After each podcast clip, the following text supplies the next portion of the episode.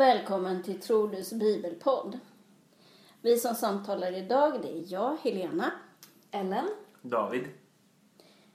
Och det vi ska göra det är att göra ett bibelstudium på första Johannesbrevets första kapitel, andra lilla stycke.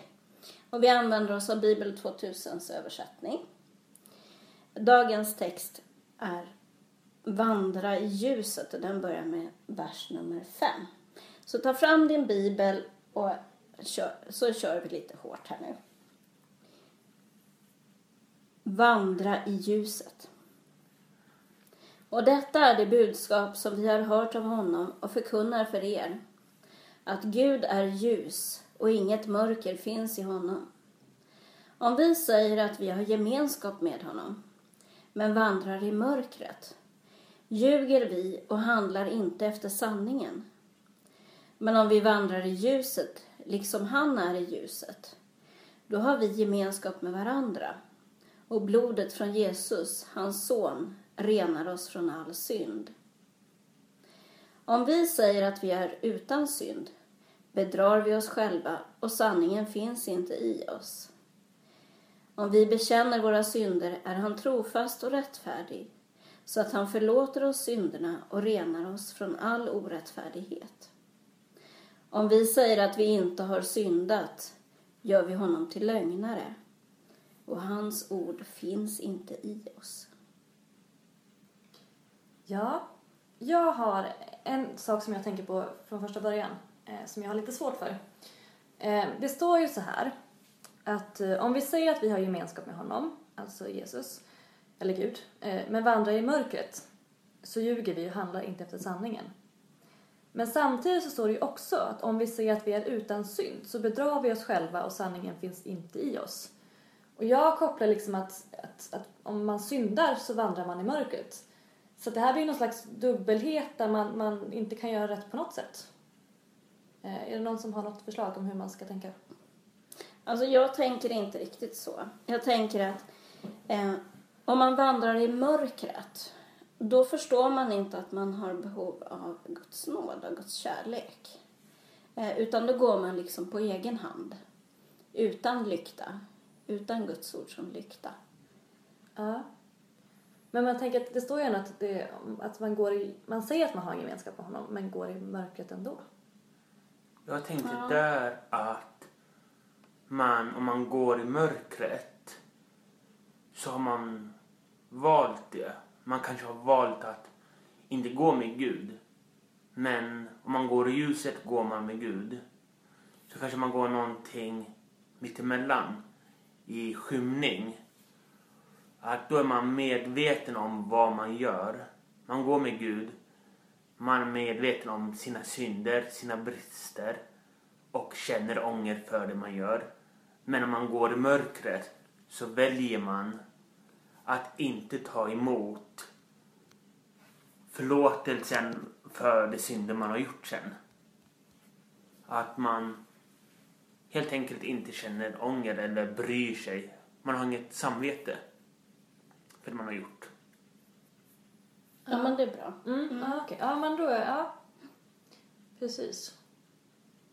För då gör man Gud till lögnare. För det är ju Ja. det de skriver. Ja, Eh, om vi säger att vi inte har syndat. Mm. Så gör vi honom till lögnare och hans ord finns inte i oss. Precis. Så det är på något sätt. Eh, om vi hycklar och låtsas att vi är bättre än vi är. Så gör vi Gud till lögnare. Mm. Tänker jag. Mm. För att det går ju lätt att- för andra runt omkring att se att vi är inte perfekta som människor. Nej. ja. Och det är, det är något som ingår i ordet människa, tänker jag. Att vi är människor, att vara människa är att inte vara perfekt. Att liksom göra misstag. Och det är väl det som hela den här texten handlar om, eller det här stycket, att vi måste inse det. Och vi måste inse att vi kommer göra fel och att när vi gör det så behöver vi hjälp av någon. Och att livet inte är till för att levas själv, för att det är för svårt. Mm. Alltså jag tänker att det handlar väldigt mycket om skam. Eh, För att när man gör någonting fel då skäms man. Det gör ju till och med små barn. Eh, Man skäms därför att man har gjort bort sig socialt. Eh, Och när man skäms så vill man ju helst inte erkänna att man har gjort fel. Nej. Eh, och enligt eh, den här johannesiska gruppen, som de har nog känt på det mesta. När man försöker dölja att man har gjort fel, alltså när man låtsas att man är perfekt och när man liksom försöker sopa sina fel under mattan. Mm. Då visar man ju också att ja, men jag kan klara mig jättebra på egen hand som människa. Jag behöver inte Gud.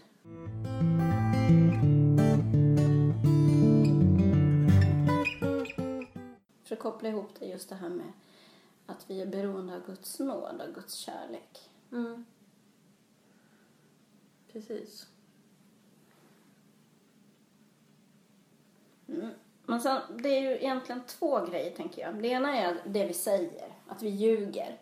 Men sen ha- står det också, ehm, i vers 6 så står det, eh, och vi handlar inte efter sanningen. Mm. Så man kan ljuga både i det man säger och i det man gör.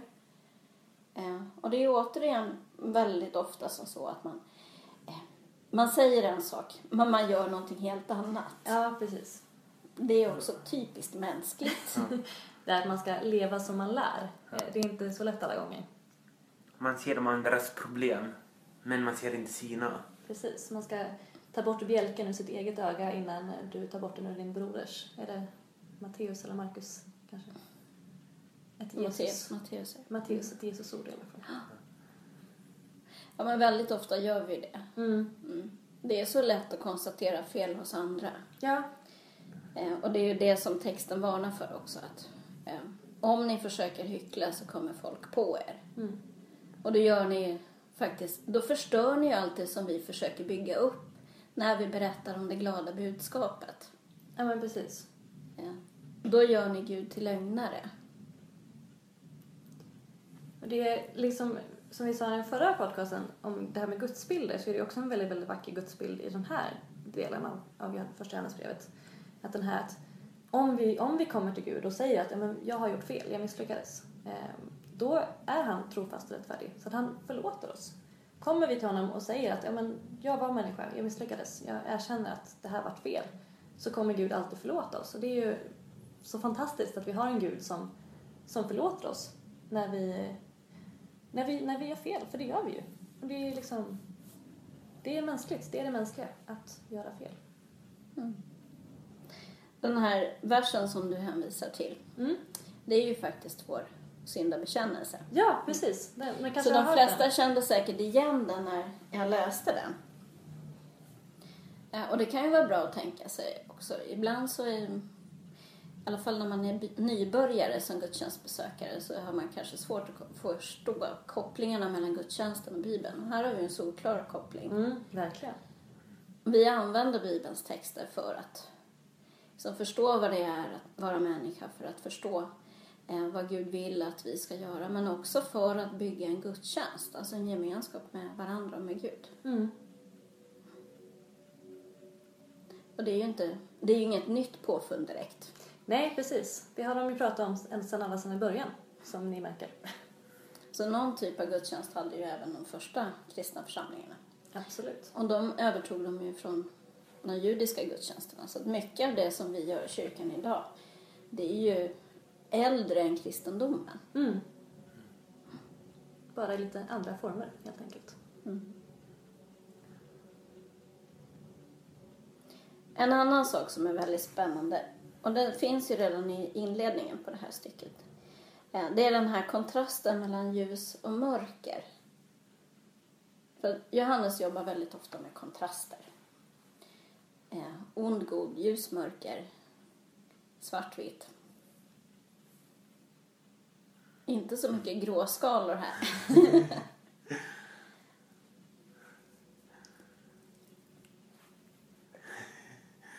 Mer kanske tvåfiligt. Mm, Precis. Att det går i båda riktningarna och att det går... Man ser framåt, men man ser e- även bakåt. Mm, Ja. just det. Klokt. Absolut. Du kör mycket bil David. mm. Ehm, för att det är ju väldigt tydligt att det finns eh, sanning och lögn. Mm. Eh, ljus och mörker. I just det här stycket. eh, synd och inte syndfrihet egentligen. Nej. För här finns inte den kontrasten. Och vad är det då? Om det inte är synd, vad är, vad är det? Ja, precis. Vad skulle den motpolen till synd kunna vara? Om man tänker sig att synd betyder att man missar målet med sitt liv. Mm. För att själva ordet betyder missa målet. Ungefär som när en bågskytt skjuter mot en tavla. Så i alla fall om det skulle vara jag så skulle jag missa målet en kilometer. I det sammanhanget som vi kallar det för otur. mm, Ja. ja, Ja, men eller kanske- kanske. Uh, oavsiktligt kanske snarare än otur. Misslyckande. Misslyckande. Ja. ja. Missa målet är ju ett slags misslyckande, Ja. det är det ju. Det kan man ju säga. Men, men Osjälvlig, osjälviskhet. Ja, är det, då, Ja. är det då motsatsen till, till eh, Till synd. synd, osjälviskhet? Är det det du tänker? Skulle kunna vara det för att ibland syndar man ju oavsiktligt. Att man liksom inte... Att man bara gör någonting utan att tänka sig för. Och då tänker jag att det inte är misslyckande. Utan att vardagliga... Sen beror det på hur man tänker vad synd är. Är det syndigt att inte resa sig upp på bussen för en äldre. Man kan själv vara jättetrött och inte, man kan ha jobbat en hel dag. Så orkar man inte stå bussresan hem. Har man syndat då? Ja, precis. Ja. Vad, är, vad är synd och synd liksom? Ja, Finns det grader? Finns det... Eh, Alltså det finns ju en ledtråd i texten om man fortsätter att läsa. om man läser syndabekännelsen då. Mm. Eh, om vi bekänner våra synder är han trofast och rättfärdig så att han förlåter oss synderna och renar oss från all orättfärdighet. Så att här är ju kontrasten rättfärdighet, orättfärdighet. Ja. Så då är, då är ju frågan, vad är rättfärdig? ja, men precis. Ja, det gjorde kanske inte saken lättare. Nej, det gör inte saken lättare. Nej. Ehm, rättfärdighet. Ehm, ja. Alltså att vara rättfärdig, om man tittar på eh, i judisk tro så är att, att vara rättfärdig är att göra rätt, alltså etiskt rätt. Mm. Handla rätt, att tänka rätt. Att följa alla lagar och bud. Ja. Men det är ju inte en kristen tanke. Nej, eh, vi har ju sluppit en massa av de här lagarna. Mm, och det är ju själva glädjebudskapet. Att vi Precis. behöver inte... Gud kräver inte av oss att vi behöver följa alla regler och lagar och så. Vi älskar det ändå. Mm. Inte för det vi gör utan därför att vi är. Precis. Ehm, Gud gillar inte alltid det vi gör, men han tycker alltid om oss för dem vi är. Mm, precis. Och han förlåter oss. Så länge vi faktiskt inte försöker hyckla. Nej, Mm. för det tycker jag det är ändå en ganska viktig grej. Att det är ganska tydligt att de säger vi, vi behöver bekänna när vi gjort fel. Vi behöver säga förlåt. Vi måste, det handlar liksom om att inse att man inte är perfekt och att man inte ska gå runt och låtsas vara det heller. För det hjälper ingen. Och då, som sagt, då gör vi, gör vi Gud till lögnare om vi påstår att vi är perfekta. För att det är vi inte. Och det tycker jag är ganska bra slutord för den här podden. Absolut. Tack för att du har lyssnat på våran bibelpodd. Om du tycker att det här var intressant eh, så ses vi igen eller hörs igen om två veckor. Om du vill kontakta oss så finns vi på Twitter, eh, snabel Svenska kyrkans SVK Unga Tro och på Facebook Tror du. Och vill du mejla oss så är det bara att mejla på tro snabel svenskakyrkans unga.se. Tack och hej för mig, Helena. Hej då! hej då!